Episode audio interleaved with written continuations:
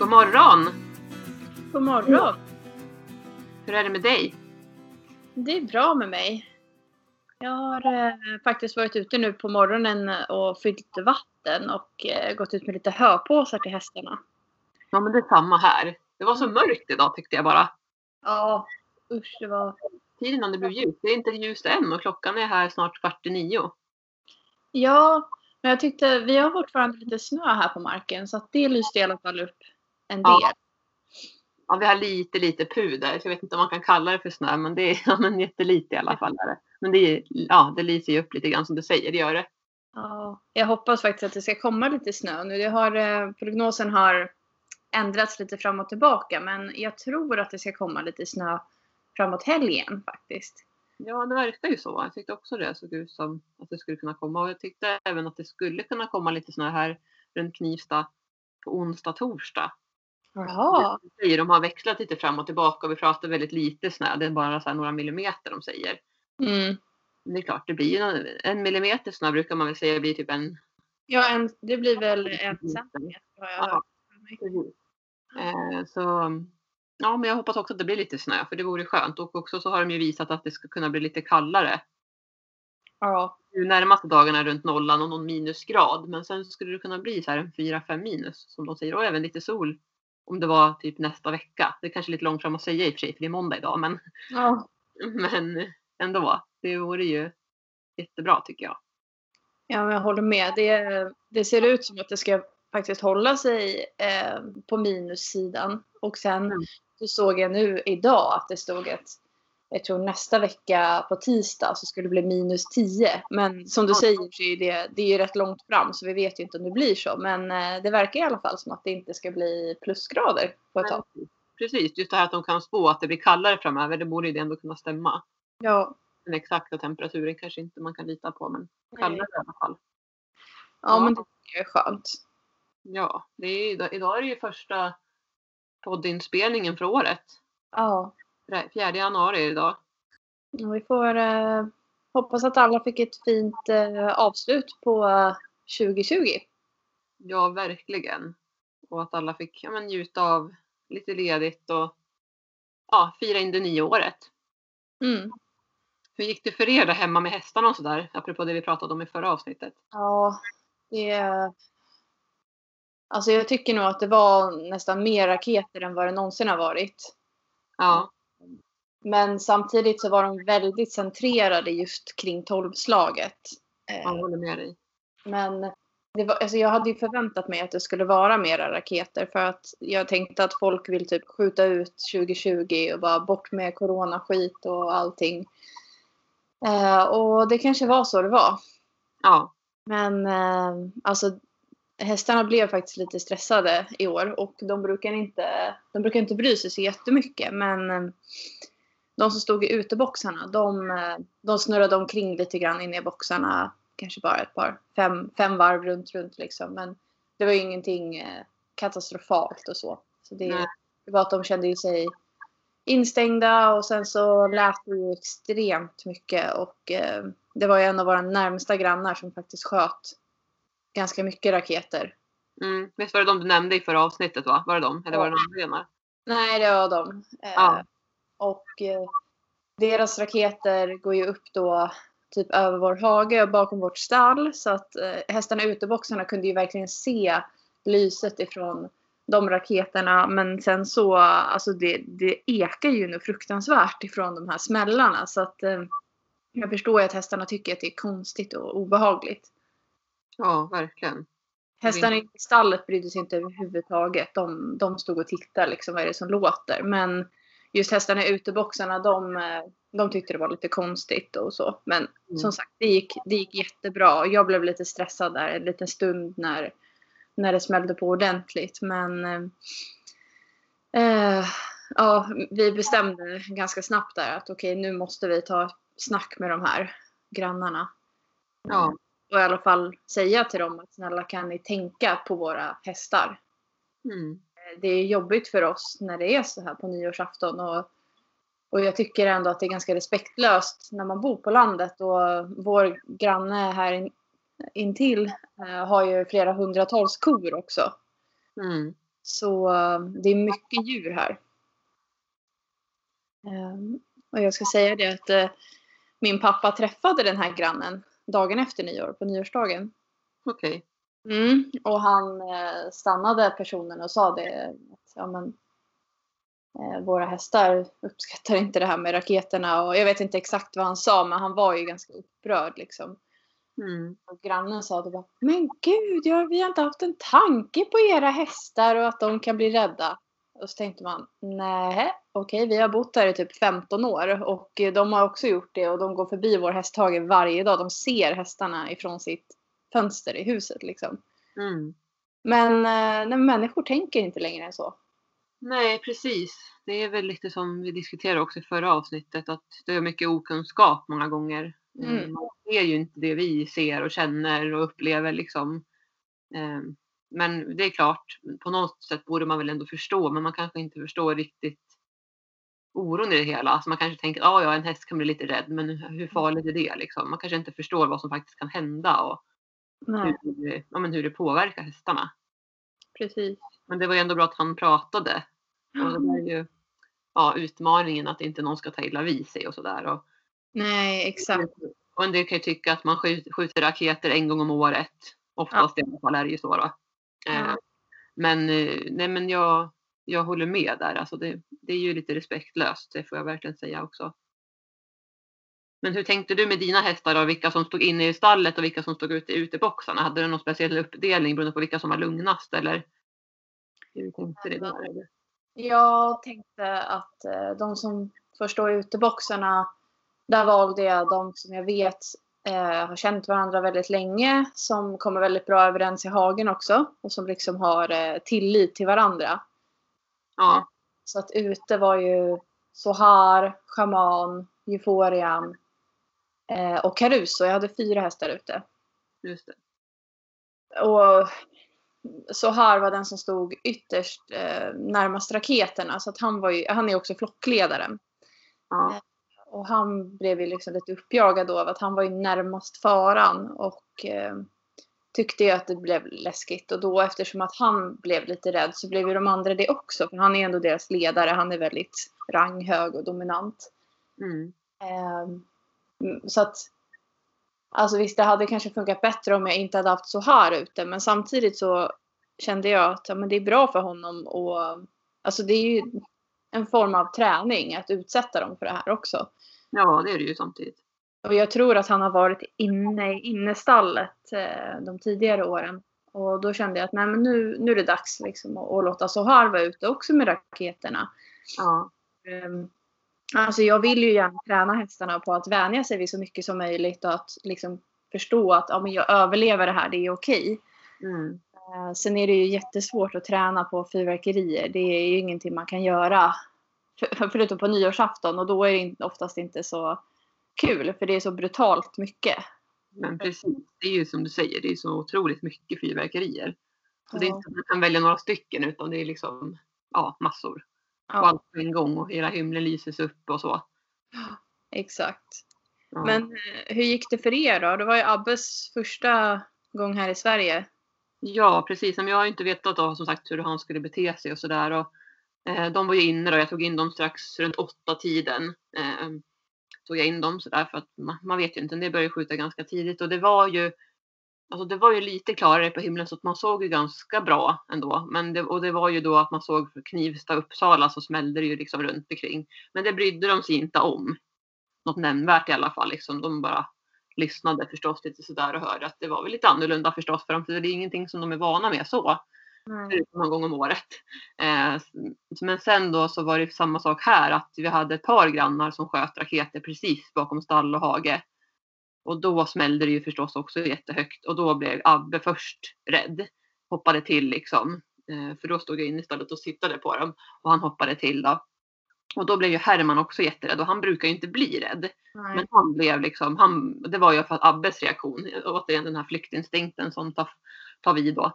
Och eftersom att det var precis bakom stallet, alltså bakom box, deras boxar, liksom på bakre väggen. Så han typ tryckte sig upp sen de, och stod och tryckte lite grann vid boxdörren vid mig där. och tittade liksom på bakväggen och undrade vad, vad var det som hände så där, och var ganska stressad. Och Abbe tyckte jag lugnade sig ganska snabbt. Han snurrade runt något varv så där. Men sen kunde han ändå fortsätta äta för de fick ju mat samtidigt då. då Mm. på kvällen där. Ehm, så att ja, det var liksom lite stressande situation för dem, det kan man ju lugnt säga. Och Djingis han är, ju- han är ju han är så cool, han brydde sig inte överhuvudtaget. Inte som det märks på honom i alla fall. Sen är det ju möjligt att han är lite introvert och inte vänder känslorna inåt och inte visar dem liksom. Ja. Men eh, nej, han, han var mest nyfiken och lite som vanligt sådär. Tittar väl på de andra två. Undrar vad de höll på med. Så han är ju, han är ju cool och det är väl skönt samtidigt. Så kanske också är han som lugnar de andra lite. Ja. Över. Och sen, jag hade lite musik också men jag kom på det lite sent. Jag skulle ha haft det lite tidigare så hade de kanske inte blivit rädda de här smällarna som grannarna sköt. Så kanske det hade kunnat gått över lite mer. Lite snabbare att de inte hade brytt sig lika mycket. Eh, för det fick jag ett par meddelanden efteråt sen på min Instagram så skrev några vänner till mig att "Ja, men, liksom, testa det här. Vi brukar ha musik på på jättehög volym. Det är liksom Mm. det är lite precis vid tolvslaget och sen så går jag och drar ner volymen när det börjar lugna ner sig med fyrverkerierna. Ehm, Så att vi tänker testa mer nästa år. Som har det i god tid innan och sådär. Ja. Abbe skulle också eftersom att det var väl han, ändå han som först reagerade och sen skrämde upp Herman då. Ja. Men jag får väl ändå säga att jag, jag tycker att det gick bra. Men man- jag hade inte velat haft dem ute, det kan jag lugnt säga. För då hade de kunnat dragit igen tråden. Även Herman, som jag såg på honom när han blev så liksom, stressad och rädd. Det beror lite på vart de står också i hagen om en sån där sak händer. Står de precis vid staket och drar runt, för de som sagt, de flyr ju. Det är ju så de gör och då kan de ju råka dra ner ett staket och vem vet var de tar vägen då när det smäller runt omkring överallt. Det är ju det man är rädd för. Ja, man inte den här flyktkänslan slår till, då, då blir de ju de, alltså det flyktdjuret som de verkligen är. mm, Eh, och då, då tänker de inte, de bara agerar. ja, Eh, så jag hoppas att det inte, jag har, in, jag har inte läst jättemycket nu efter nyår ska jag säga, men jag hoppas att det inte var någon, massor av olyckor och sånt som var relaterade till nyårsafton. Eh, Mm. det har varit det de senaste åren, ganska mycket olika hästar som, ja vi nämnde ju där eh, hästen som gick igenom isen och sånt. Och mm, jag hoppas att de flesta har fått ha en fin och ja, lugn nyårsafton. Hyfsat lugn. ja. ja, alltså det är så svårt det här. Jag kan väl också känna någonstans att man vill informera grannar och Ja, nära liksom. Men samtidigt så ja, jag hoppas väl någonstans att raketer ska förbjudas om jag ska vara helt ärlig. Det är säkert någon som blir lite sur över att man säger så. Men, men eh, nej, jag tycker för allas, för allas bästa. Alltså alla djurägare och alla djurs bästa och, och vilda djur. jag håller med.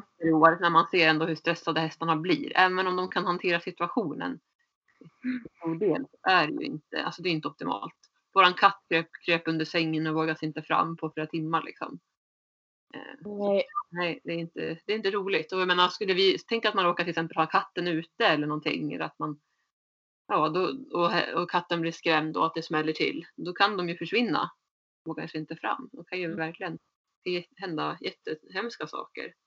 Ja, det är ju hundar och möjliga djur som är rädda. Och sen Ja. så är det faktiskt det, jag pratade med en, eh, en eh, ryttare i mitt stall här som har börjat rida i, nu i vinter. Ja, Eh, Han är från Syrien och har flytt ifrån ett krig. Och vi pratade just om det här att alltså, ha, eh, vissa människor har ju en, bär ju med sig en resa i, alltså, i sitt, har i sitt bagage en, en resa från ett land där de här ljuden och alltså när det ser ut så här på himlen, det handlar om något helt annat än glädje liksom. ja, Eh, och det är så många människor som jag vet, eh, även genom mitt jobb i Svenska kyrkan så träffar man ju många människor som har alltså blivit traumatiserade av krig och sånt. Och jag, tänker, jag tänkte på det på nyårsafton. Att hade jag varit så, jag, alltså det här kändes ju som en krigszon. När man hör ljuden och ser att det bara lyser upp på himlen. Liksom. Det, är, det är obehagligt. Ja, men jag håller med dig. Jag tycker man har fått lite perspektiv sen man flyttade ut på landet. Alltså det här med fyrverkerier. När jag bodde i stan, när jag bodde i Sundbyberg, då tyckte man att det var jättefint och häftigt och det var så glädje och man skålade in det nya året. Och gemenskapen och så här. Men när man sen bor på landet och man tar hand om sina djur och då ser man på ett annat perspektiv. Man Mm. ser, säger, det blir som en krigszon. Det känns som att man är, även om man inte har erfarenhet av, av krig och såna här saker så, så ja, jag förstår precis vad du menar. Jag, ja, gud, det måste vara jättehemskt för de människorna som ändå har den bakgrunden. Ja. Så vi, vi får väl se vad som händer. Jag hoppas också för miljö, alltså miljöaspekten också. Att inte... Ja. Det finns andra sätt att, att roa sig på tycker jag. Jag kan tycka fyrverkerier är jättehäftiga att, att kolla på men eh, typ lasershower eller någonting nu. Förhoppningsvis när corona försvinner kanske man kan samlas någonstans så att det erbjuds någon form av häftig lasershow eller något. Jag vet inte. Ja, det håller jag med om. Det var, det var ett bra förslag tycker jag. Vi får se vad som händer. Men eh, nu är det i alla fall ett nytt år och ja, det har redan gått ett par dagar på det nya året till och med. Ja, till och med det. Vi får vänta till, näst, till nästa nyårsfirande så får vi väl se vad som händer då.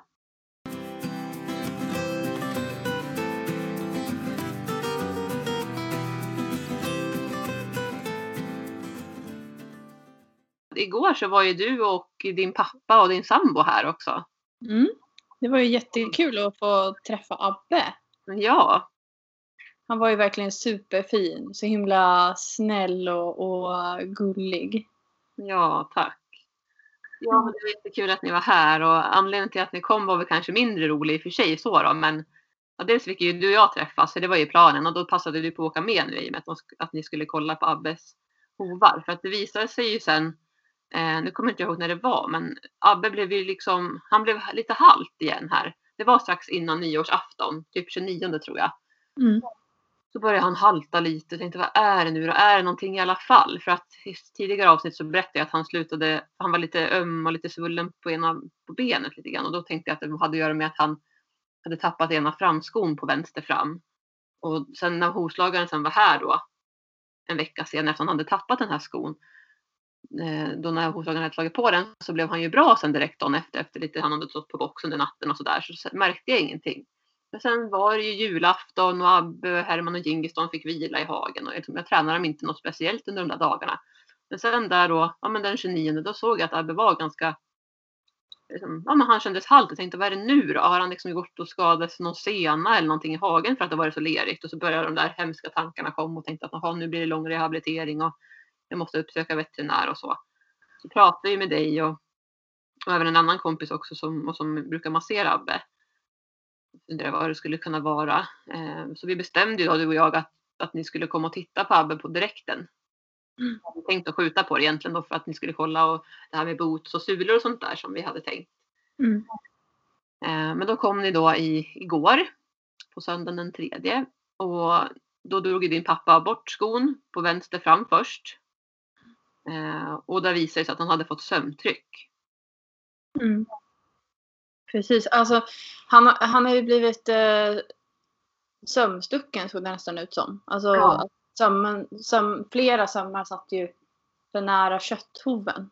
Ja, Eh, och för er som inte är jätteinsatta i hur eh, hovens anatomi ser ut så är det ju så att man ska ju spika i vita randen. Det är som en liten vit rand i hoven där eh, man kan ha den som ett riktmärke att innanför den där ska det inte sitta några sömmar för då kommer du för nära köttdelen av hoven. För det är ju liksom nerver och kött inuti den här eh, hoven som är inkapslad av typ som en nagel kan vi säga. Så vi har. Eh, och de här sömmarna som vi slår i hästens hov, de är ju väldigt långa och väldigt vassa. Mm. Och sätter man dem då lite fel så kan det ju göra jätteont på hästen. Min pappa beskrev det ju ungefär som nageltrång för oss. precis. Jag tror att det är en ganska bra liknelse. Ja, Så vi såg ju, eller man såg ju redan när man tog av skon liksom att Abbe, han, han tyckte ju att det var lite ömt att sätta ner sin hov i marken. ja precis. Eh, han, var lite, han är ju väldigt sulöm just nu för att han har också ganska tunna sulor. Eh, men eh, eftersom att han har trampat av sig skorna ett par gånger och hoven har gått sönder så gick det ju inte min pappa vill inte chansa och slå på med en, en sula på också som han kanske egentligen hade behövt för att inte behöva bli lika öm. Mm. Men eh, när man har en sula också då ser man ju inte riktigt vart man ska spika. Inte på samma sätt som eh, när det bara är skon. Nej. Så då sa han det, nej men jag vågar inte chansa. För då är ju risken att man eh, sömsticker hästen igen. Ja, Och så kanske Abbe tycker, börjar tycka att det är jättehemskt att bli skodd. precis. Mm, ja. Nej, men det syntes ju så tydligt när din pappa tog bort skon att där, alltså där gjorde det ont. Mm, Eh, förstås. Så det blev ju en tydlig signal att aj, aj. Liksom. Och sen såg man ju att han var både liksom röd och att det var. Det Ja. fanns inte mycket att spika i. Och att, om jag får säga så, hovslagaren som jag har haft nu innan. Han hade ju helt enkelt chansat så som man inte ska göra egentligen. Eh, ja. Det kändes ju så. Ja, nej men precis. Så därav eh, eh, ja, hans ömhet helt enkelt. Och säkert också den här lite svullnaden i benet, att han, han var öm. Och det hade gått upp lite grann då i, i senor och så här liksom runt omkring då. Eller galge eller vad man ska säga. Jag är inte någon expert men. ehm, men nu så ser han ju jättefin ut i benen i alla fall och nu är det bara att hoppas att det inte blir någon, någon hovböld av det här sömsticket. Precis. Det, det får vi hoppas att det inte har gått upp något nå smuts där i hoven. Eh, men eh, som sagt, nu, nu får vi hoppas att hovarna växer på sig lite grann och att han eh, förhoppningsvis inte trampar av sig skorna lika mycket. Nej. Eh, för att då får han ju bättre, mer hovmaterial att, som man kan jobba med. Och på så sätt så är det ju lättare att slå på en sko nästa gång. Och kanske till och med ha en sula då. Men ja, var, han var ju så himla snäll där Abbe. Och man såg liksom att ah, men jag tycker det här gör ont. Det är, det är inte skönt. Min, eh, min hov. Och han hade ju ondast i vänster fram. Ja, Och det är så tidigt för när din pappa stod på höger sida och skulle lyfta höger fram då ville han lyfta vänster. ja, han ville inte riktigt belasta. Nej, han ville ju inte det stackarn. Han hade ju ont och ja. Därav den här oregelbundna hältan också som jag tyckte jag såg. Det berodde ju på ömheten. Så att ja, nej men jag är jättetacksam för att ni kom och det känns jätteskönt att veta varför han har haft ont och att det inte var någonting annat. Att det ändå var liksom hovrelaterat. Även om det är väldigt viktigt och också inte alls bra så sa ju din pappa att du behöver inte hänga lätt, det här kommer gå att fixa. Ja. Du berättade också att ni har erfarenhet av en häst som ni har som har haft ungefär samma. Mm. Väldigt bra. Precis. Det är, eh, faktiskt flera av mina hade väldigt, eh, alltså de hade haft hovslagare som inte hade brytt sig så mycket om att lägga ut, alltså försöka få hoven att vidga sig. Eh, de hade väldigt raka hovväggar och eh, en rak hovvägg tyder ju på att det är mer belastning där. Eh, och istället då för att försöka hjälpa hästen eh, genom att lägga ut skon lite där hovväggen var rak. För lägger du ut skon då, då fördelar du ju belastningen lite mer och skon liksom hjälper hästen att eh, Alltså den, det blir lättare för hoven att vidga sig åt det hållet då. Eh, men den här hovslagaren ville ju bara att det skulle vara så liten risk som möjligt för hästen att trampa av sig skon och så. Och då blev ju aldrig hoven rundare. Den var ju bara väldigt rak. Liksom. Mm. Precis. Så det fick vi jobba mycket med då när, när eh, de här hästarna kom hem till oss. Mm. Och nu så skulle jag ju säga att de har väldigt runda och fina hovar. Men det tar ju tid. Eh, speciellt om hoven har gått sönder också. Ja, verkligen. Det måste ju växa fram.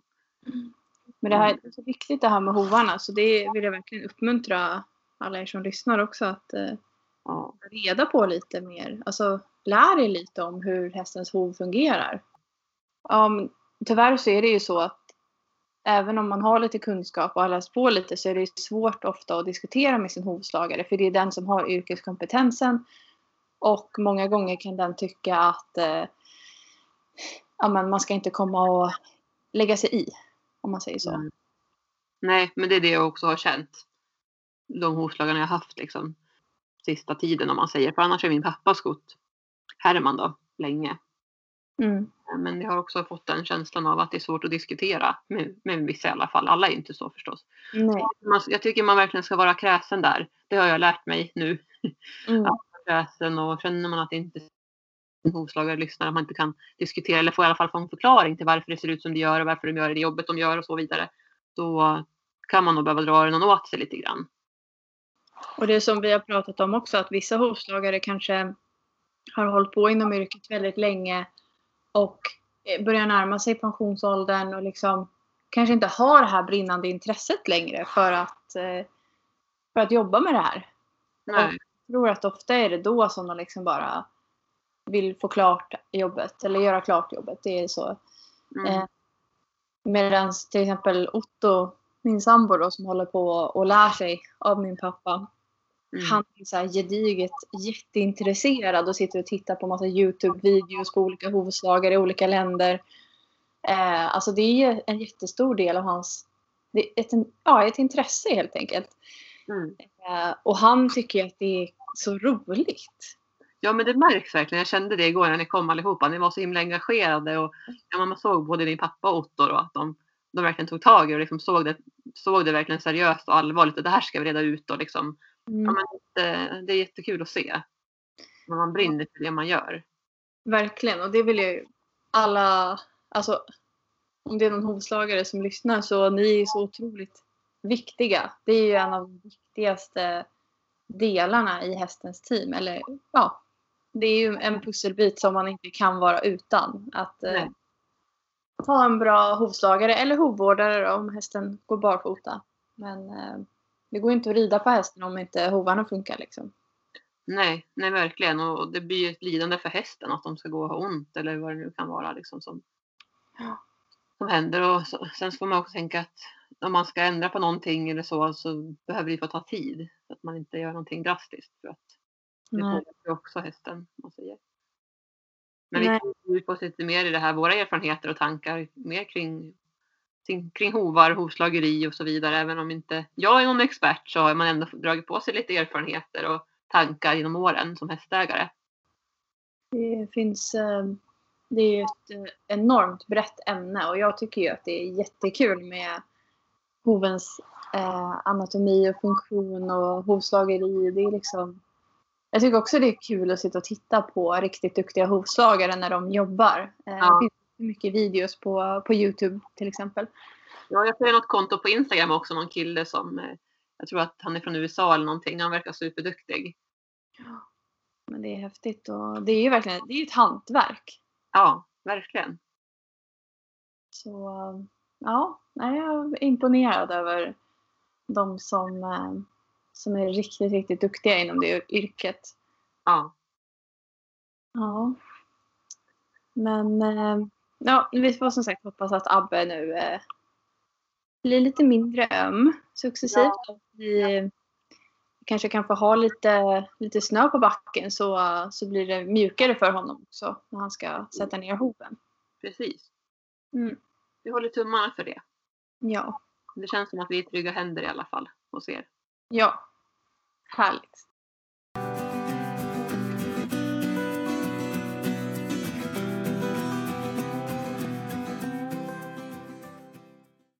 Vad heter, vi har fått in en fråga här också från en av lyssnarna.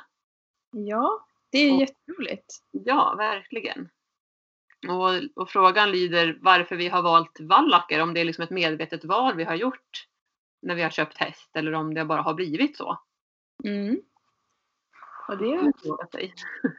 Det är en eh, observant lyssnare här och som har, eh, som har eh, insett att vi har ju bara vallacker, både du och jag. Ja, och du som har nio hästar har, äh, har ingen, inget sto utan du har ju bara vallackar. Men Precis. om du börjar då Josefin, varför har du eh, vallackar? Är det ett medvetet val eller har det bara blivit så? Ehm, ja, jag satt och tittade tillbaka på bilder här eh, häromdagen, eller när jag gjorde en sammanfattning av nyåret så, så tittade jag tillbaka på bilder från 2010 och sen framåt. Och då, jag kommer inte ihåg vilket år det var jag sålde mina ston, men jag hade ston kanske fram till 2012, 2013 någonting. Ja, Så då hade jag en blandflock med, med två ston och sen var det kanske två eller tre vallacker.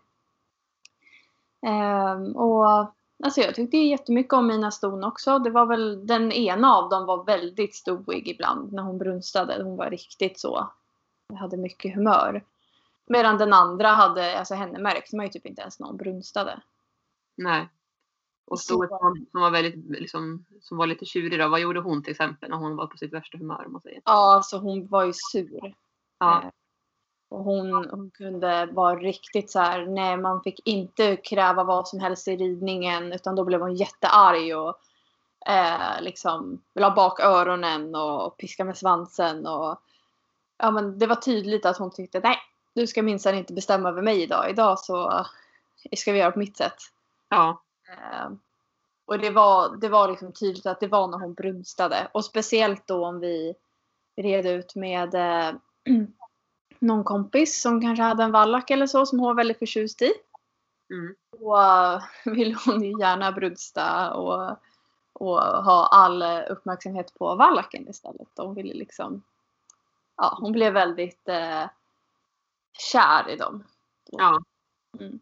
Ja, men eh, sen så blev det väl bara av en slump då att nästa häst blev en vallack. Eh, och så har jag ju haft några ston under åren. Jag hade ju två ston här i omgångar för, eh, vad var det, 2019, 2020 någonting va? En arab och sen en trav. Visst var det Nova som någon hette va? Precis. Eh, Nova var en arab som jag tog hem och hon var ju ett sto. Eh, jag hade då hade jag kanske åtta, nej jag hade nog nio andra hästar då också så att hon var, blev nummer tio. Mm. Men henne hade jag då tillsammans med min häst Abbe. Eh, så att hon fick inte gå med hela flocken. Eh, hon eh, rymde ju dock in i min vallakage en dag. Och det blev ju Lattjo Lajban alltså. Det var... Eh, hon sprängde staketet för hon tyckte att eh, ja, men jag ska gå in till dem nu. Så Ja. det var ju liksom en hel flock med galopperande hästar som flög omkring där ute i hagen. Eh, och mina vallacker, de blir ganska hingstiga. I alla fall några av dem. Mm. Så eh, det är anledningen till att jag inte har ston med mina vallacker. Jag skulle aldrig kunna ha ett sto med mina nio hästar. Utan det kanske skulle funka om jag hade 50-50 eller liksom att det var ett par ston och mina vallacker. Men det går inte att bara ha en eller två och alltså att de ska konkurrera om stona. Nej, precis. De, eh, de börjar bråka med varandra och eh, alltså de, de blir väldigt personlighetsförändrade mina vallacker när Ja. det kommer in ett sto. Ja, alltså även om de är kastrerade så finns, så är de ju, alltså, så finns det ju ändå kvar tänker jag någonting. Liksom. Och sen beror det på också hur sent tagna de är och sådär. Exakt. Och stort också hur, alltså hur men intresserad stort är av, av de andra hästarna liksom. Eh, så att, ja, det är ju klart att det är en svår situation som, du beskriver. Att, Mm. ja, inte ta några risker kanske, liksom utsätta sig för det, vad man ska säga, det onödiga jobbet som det blir. Mm. Och sen, sen är det väl någonstans så att jag har alltid haft en förkärlek för handjur. Alltså inte bara när det gäller hästar utan även så här katter och hundar. Jag vet inte varför men jag gillar, eh, jag gillar killar ja. Ja, men jag hondjur och det är min katt Selma. ja just det, det har du ju. Ja, hon är jättegullig men hon, är, hon vill liksom ha det på sina villkor. Och jag kan inte säga om det är för att hon är en tjej men hon är så här, hon kommer till knät om hon vill det. Du kan inte bara lyfta upp henne i knät och gosa på henne för då går hon. Ja, Mm. hon ska välja själv. Hon vill gärna vara nära och liksom ligga bredvid och så men man, hon, man får inte bara tvinga henne till saker. Hon ska välja Mm. själv. Just det. Ja. Men hur, eh, hur är det för dig då? Är det något medvetet val som du har gjort? Ja, nu senast med Abbe så var det det. Då kände jag att jag ville ha en vallack. Precis som du säger, jag har liksom på något sätt fastnat mer för vallackar.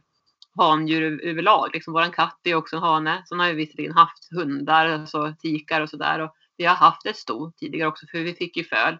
Ett hafflingesto hade vi och så fick vi ett hingstföl efter, efter henne då. Eh, men, eh, och det var ju liksom, alltså hon var också sådär, hon kunde, när hon brunstade så kunde hon bli väldigt tjurig och så. Men alltså hon var ju hon var ju aldrig dum. Liksom. Det- var humörsvängningar om man säger så. Eh, Så att eh, jag, jag kände som att det blir mer, jag tyckte att det var mer okomplicerat att ha vallackar. Mm. när vi har ju haft, först hade vi ett par vallackar och sen köpte vi ju stot. Eller vi hade tre vallackar först och köpte vi sto och så fick vi hingstföl och så, så. Och då sålde vi också henne på grund av det för vi kände att vi ville behålla fölet. Eh, så vi sålde ju stot då, då. Och sen blev det ju liksom vallackar som vi fortsatte köpa. Jag vet inte. När jag var yngre om jag säger, då var det min mamma som valde. Och jag kan väl inte säga om det var medvetet val av henne att välja just vallackar då efter stot. Jag vet inte. Um, men nu till exempel när jag köpte Abbe då. Det var ju medvetet just för att jag har två vallackar innan och tänkte att det blir lättare då. Alltså större chans att det kan funka att ha dem ihop om, om det är en vallack. Det var min tanke. Och, sen också det här att jag tycker att de kan vara lite jämnare i humöret. Mm. Det är i alla fall min erfarenhet. Sen finns det ju förstås undantag, det är jag liksom övertygad om. Men den erfarenheten jag har så gick jag på de sakerna när jag valde häst. Jag, jag håller med där. Eh, alltså det, jag tänker när jag eh, tävlar och så också att det är skönt att ha en häst som är ganska jämn i humöret. Ja. Eh, sen så ska jag ju säga att jag gillar ju mina vallacker. De som är väldigt egensinniga och har mycket humör. De som nästan är lite mer stoiga. Mm. De, eh, de gillar jag ju extra mycket. Ja. Så jag, jag, jag skulle säga att alla mina killar är liksom eh, väldigt personliga. De är inte tråkiga och bara likadana hela tiden utan de har verkligen sina dagar och det eh, olika hur de är. Jo, det har jag också lärt mig nu med mina tre hästar jag har att men Abbe han, han kan vara lite eh, från dag till dag sådär. Men han har ju blivit lugnare och mer liksom jämn tycker jag nu både sitt sätt och sitt humör och sådär. Eh, men han kan absolut vara både dominant och lite tjurig ibland. sådär. Och Gingis definitivt, han skulle nästan, han skulle man kunna ta fel på att han är ett stor för att han är ju väldigt tjurig när det inte passar honom. Liksom kan lägga bak öronen. Han kan till och med vara lite nafsig ibland och sånt där också. Sen har ju han visserligen haft lite ont här. Och då tyckte jag då var det ju värre när han, när han hade ont och sådär från efter käkfrakturen. Men han är ju en envis shetlandsponny liksom. så där kan man nästan identifiera lite grann med stot vi hade innan. Som var också lite på det sättet. Ja. Herman, han är alltid så jämn i humöret. Liksom det finns han är, jag, skulle, jag skulle säga att han är aldrig arg eller sur. Aldrig någonsin. Förutom han kan vara på andra hästar i matsituationer eftersom han, han är flockledaren så. Men mot människor eller liksom generellt stallet på stallgången aldrig någonting. Ja, men ska vi säga så då för den här veckan? Ja, men det gör vi tycker jag. Eh, om det är någon mer som har någon fråga. Eh, ja, det kan vara om vad som helst, hästrelaterat eller inte, så eh, får ni jättegärna skicka det till oss. Antingen på, på Facebook-sidan eller Instagram eh, är väl enklast. Ja. Och hitta oss på Livet med häst-podden. Mm. Och det vore jättekul att höra era, era erfarenheter också om det här med vallackar. Kan jag också tänka mig att lyssnaren som har ställt frågan kan ja. vilja veta mer om var, varför och så man har valt det man har valt eller om det bara omedvetet liksom bara har blivit så. Och det finns säkert jättemånga där ute nu som har eh, ston också och tycker att ston minsann är det absolut bästa som man kan ha. Verkligen. Och, och vi kan ju det också förresten, för apropå det här med ston, det roliga där det är ju till exempel att man kan ta föl och sådana saker många gånger. Exakt, det är ju det är nackdelen med att ha en vallack. Ja, jag menar verkligen. Så det finns ju massa fördelar också med att ha ston. Men i våra situationer har vi som sagt valt det på grund av smidigast. Mm. Eftersom att vi har vallackar innan då och tillfört flera liksom hästar. Ja. ja. Ja men eh, vi får väl önska en eh, superfin eh, vecka eh, och en jättefin helg då såklart när ni får lyssna på det här avsnittet. Ja, så vi hoppas att det blir lite mer snö nu kanske över då hela Sverige. Får vi hoppas. Ja, det hoppas vi. Det vore fint med lite vinter. Ja, det tycker jag. I alla fall eh, någon månad kan det få vara. Ja, verkligen. Ha det så bra allihopa. Ha det så bra. Kram, kram. Kram, kram. Hej då. Hej då.